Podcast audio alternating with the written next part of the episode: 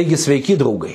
Ir vėl iš savo varpinės, iš informacinio pogrindžio tiesioginė bei perkeltinė prasme išlaidelės tiem, kurie turi galvą ir savo galvą naudoja pagal tiesioginę paskirtį. Tai yra be abejo galvoja.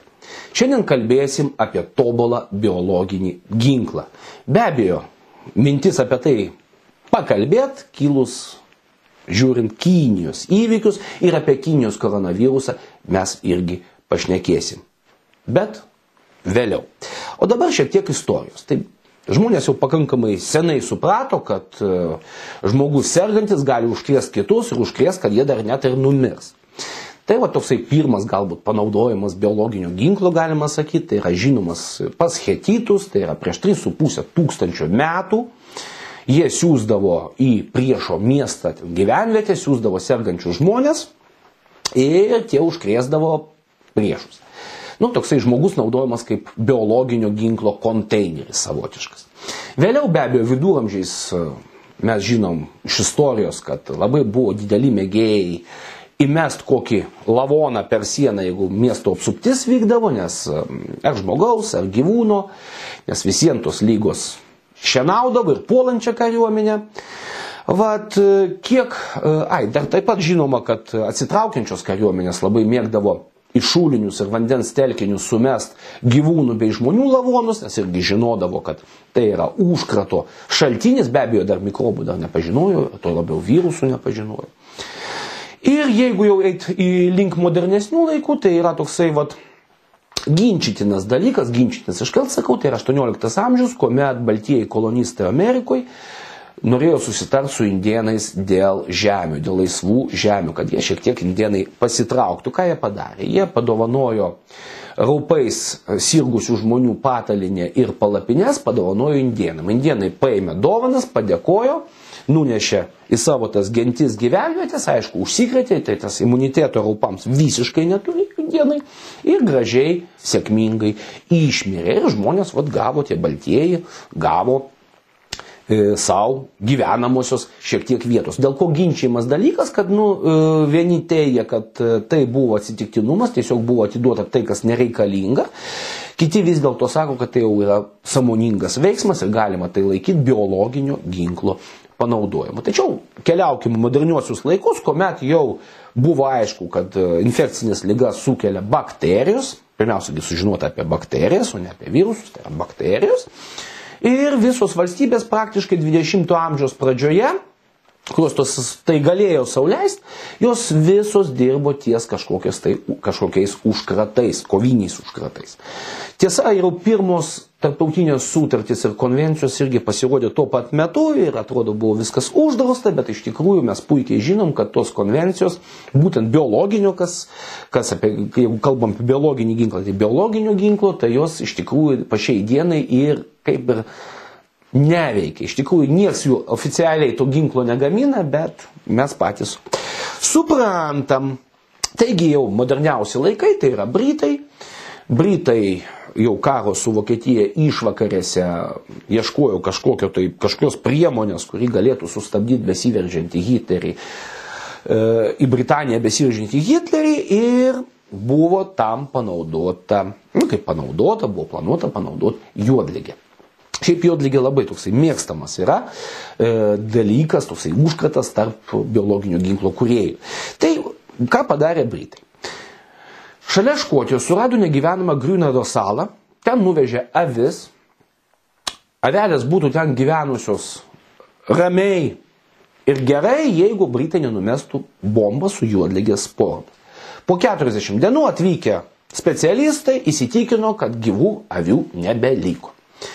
Ir būtų tavo istorija ties tuom pasibaigusi, tik tai vat, viena iš avelių nugaišusių nuplaukė, pateko į vandenį, nuplaukė link Škotijos, ten šuniukas kažkoks prabėgdamas tą avelę biški pakramsnojo truputuką, atnešė užkratą prie žmonių, ten susirgo kažkiek tai gyvūnų, kažkiek tai paukščių. Ir Britų vyriausybei teko susimokėti pakankamai daug ūkininkam, kad šie tiesiog apie tai niekam neplepėtų. Ir mes žinom apie šitą va incidentą, mes žinom tik tai iš berots 80 metais, 1980 paskelbtų išslaptintų duomenų. Beje, jeigu jau apie tą salą mes prakalbam, tai tarp kitko ta sala uždaryta buvo ilgą laiką ir Tik tai 1986 metais išpylus 280 tonų formaldehydo, nuėmus gruntą, pirmiausiai užkasus gruntą, nuėm, e, išpylus 280 tonų formaldehydo, ta sala tapo nepavojinga. Tarp kitko, jeigu kas norit, galit jau dabar tenais ir nuvykti. Tarp kitko, ten veža net ir ekskursijas. Vat. O Britai po šito eksperimento labai apsidžiaugė ir net sugalvojo karinę operaciją prieš Vokietiją, kurios tikslas buvo užkriest ganyklas juodligį ir taip sunaikinti žemės ūkį. Tai yra tiksliau gyvulininkystė pirmiausia. Taip susilpninti vokiečius, kurie galbūt net ir atsisakytų pult Britaniją. Ot, įdomu, įdomus buvo pavadinimas šitos numanomos operacijos. Ot, makabriški, kariški juokeliai. Operacija buvo pavadinta Vegetaras. Tai vat tokie vat juokeliai. Tiesa, Britai nieko e, praktiškai nepanaudojo, tai, yra, tai buvo laikoma jau kritiniam atveju, tarp kitko kritiniam atveju biologinį ginklą laikė ir vokiečiai, ir daugiau kas jį turėjo.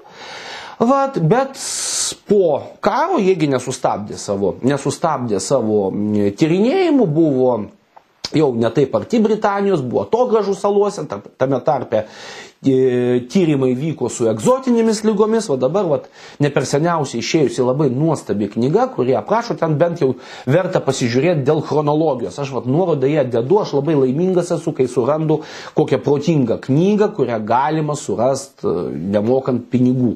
Protingą mokslinę knygą.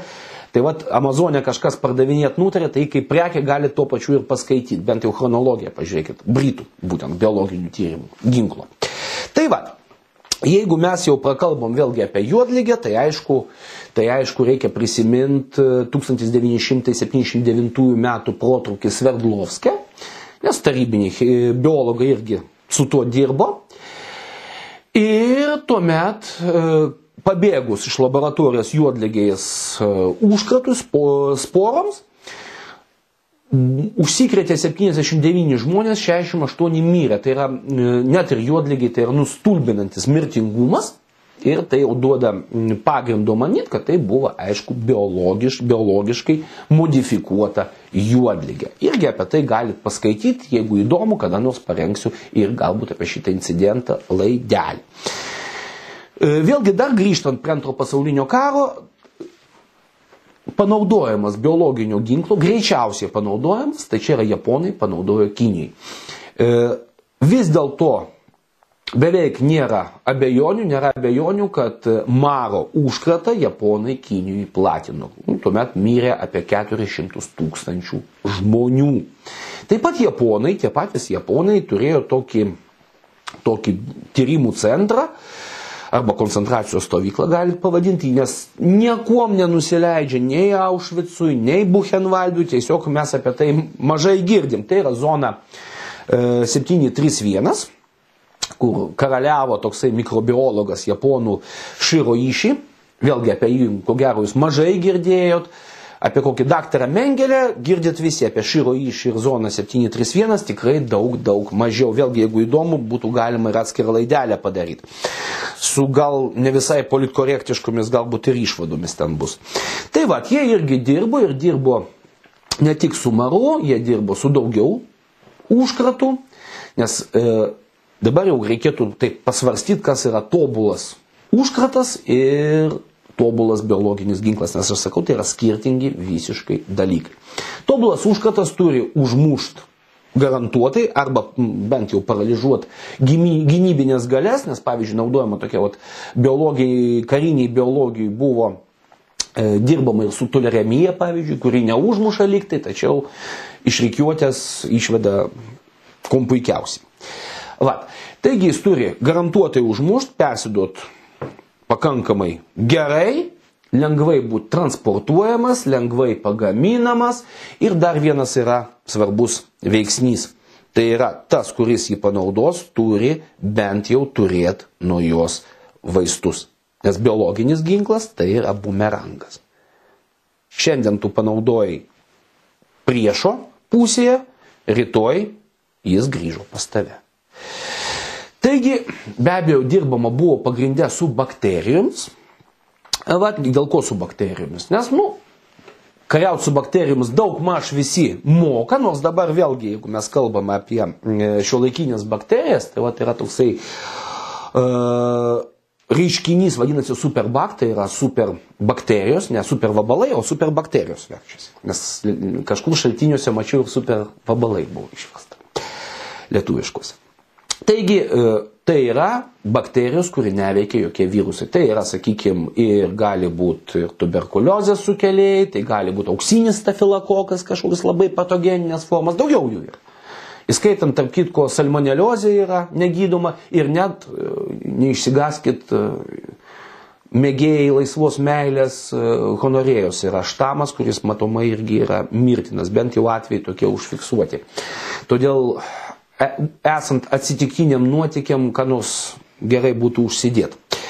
Tai va, Ir tie va tos va superbakterijos iš tikrųjų vien Europoje nužudo kas metą apie 25 tūkstančių žmonių. Tai yra pakankamai daug. Tai.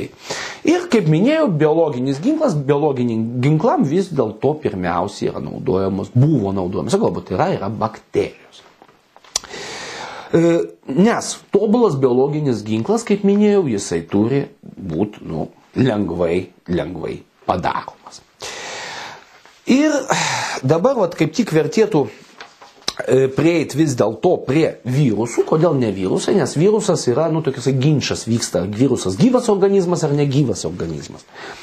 Nes virusas aplinkoje jis yra kaip ir negyvas, o jis, kad jam daugintis, reikia patekti lastelę. Ir būtent viruso savybė yra tokia, kad jis atsidūrė lastelė, jisai pradeda dauginti ir mutuot pradeda. Tai yra kiekvienas naujas virusas, kiekvienas jo palikuonis, galima jeigu taip sakyti, jis yra kitoks negu jo pirmtakas. Tai yra paleidus virusą, patogeninį virusą, tu nežinai, į ką jisai pavirs. Maža to, net jeigu, sakykime, virusą naudot ne žmonėm, o tarkim vėlgi, kaip norėjo su juodlegė daryti ten tokią e, gyvūnam, ar ten ekonominės galios kažkokios silpninti, žemės ūkio naikinimą. Tai yra vienas bjaurus niuansas. Virusai cirkuliuojantis maždaug tarp 10 ir 100 metų vieną kartą, mažiausiai vieną kartą, jie pakeičia šeimininką. Visi virusai pakeičia šeimininką. Jeigu vakar buvo, nu ne vakar, ten prieš N metų buvo šikšnosparnis, tai rytoj tai gali būti šuo, poryt gali būti šuns šeimininkai. Tai va. tai būtent tobulas virusas irgi yra, aišku, be abejo, yra įmanomas, bet jo panaudoti būtų labai ir labai kvaila. Dabar, o vėlgi yra toksai klausimas, nu, o jeigu tai teroristai, tarkim. Nes, kaip žinia, vėlgi ta pati juodligė, kuri labai patogi yra, beprotiškai patogi yra uh, kaip ginklas, sukūrė virusą. Čia yra svarbus niuansai. Pirmiausia, jį reikia turėti. Nu, galim taip sakyti. At mes norim užkrėsti marų Važiuojam mes į Mongoliją, kur yra natūralus maro žydinys, pagaunam švilpikų krūvą, surandam tą švilpiką, kuris yra maro nešiotojas, tarp kitko maro atvejai. Mongolijoje kaip tik susijęs su švilpikų mėsos valgymu paskutiniai bent jau. Ir kiek žinau, Kinijoje buvo irgi su tuo pačiu susiję. Vat. Nusiperkam bioreaktorių, bioreaktorių vat, pasirinkimas yra pakankamai didelis, galite geras sąlygas sukurti, nusiperka terpiam, maitinimui, maistinę terpę, va, tai auginat bakteriją. Nu, taip, tai yra įmanoma. Su virusais vėlgi kiek kitaip. Vėlgi, e, kaip minėjau, virusas savaime nesidaugina, jam reikia lastelės. Kai jeigu reikia lastelės, tuomet reikia viso organizmo. Ir čia jau su bioreaktoriumi jūs niekaip nebeišsisuksit. Taigi, kalbėt, kad virusą gali paleisti e, studentas, trečio kurso į pasaulį, kovinį virusą, nu, dovanokit, tai yra mažų mažiausiai kvaila. Nu ir tiesa, e, vėlgi grįžtant prie koronaviruso, dabartinio koronaviruso, padarykim prielaidą, kad tai yra vis dėlto ginklas. Mirtingumas. Šiandien turim net ne 4 procentus, kurios iš anksto, sakykime, iš anksto planavo, planavo, O 2,3 kažkur tai tai yra nu, pakankamai žemas mirtingumas, užkrečiamumas. Taip jis 20 kartų daugiau pavojingesnis negu sezoninis grypas. Tačiau jis atsilieka nuo kai kurių kitų pavojingų lygų. Toliau reikia nepamiršti, kad jisai negyvena aplinkoj. Tai yra gyvena kaip ir visi virusai, tokio tipo koronavirusai pakankamai trumpai. Ir tie, kurie atšaukėt savo siuntinius iš AliExpreso, jūs tai padarėt veltui. Nu ir be to, priemonės, kurios naudojamos karantinui, jos tokiam virusui pakankamai veiksmingos, nes inkubacinis periodas yra. Dabar jau kaip nustatyta, apie 10 dienų tai yra pakankamai mažai. Aš vėlgi nepaminėjau, kad tobulai lygai ir tobulam ginklui būtų gerai ilgą inkubacinį periodą, kaip kokie AIDS. Kai pirmi, jau, pirmi simptomai pasireiškia, rimti simptomai, specifiniai pasireiškia po kelių metų, o per visą šitą laiką jisai gali, e, nešiotojas gali tą lygą platinti. Tai va, tai tiek apie tobulą biologinį ginklą, be abejo tai trumpai, be abejo be ekskursų, jeigu norėsit daugiau arba kažką tai šitų potimių paverst atskirą temą, rašykit, siūlykit taip pat savo temas, komentuokit, prenumeruokit. Nu tai ką, ir iki kito karto. A, tiesa. Ir jeigu turit galimybę, paremkit. Ačiū, iki. thank you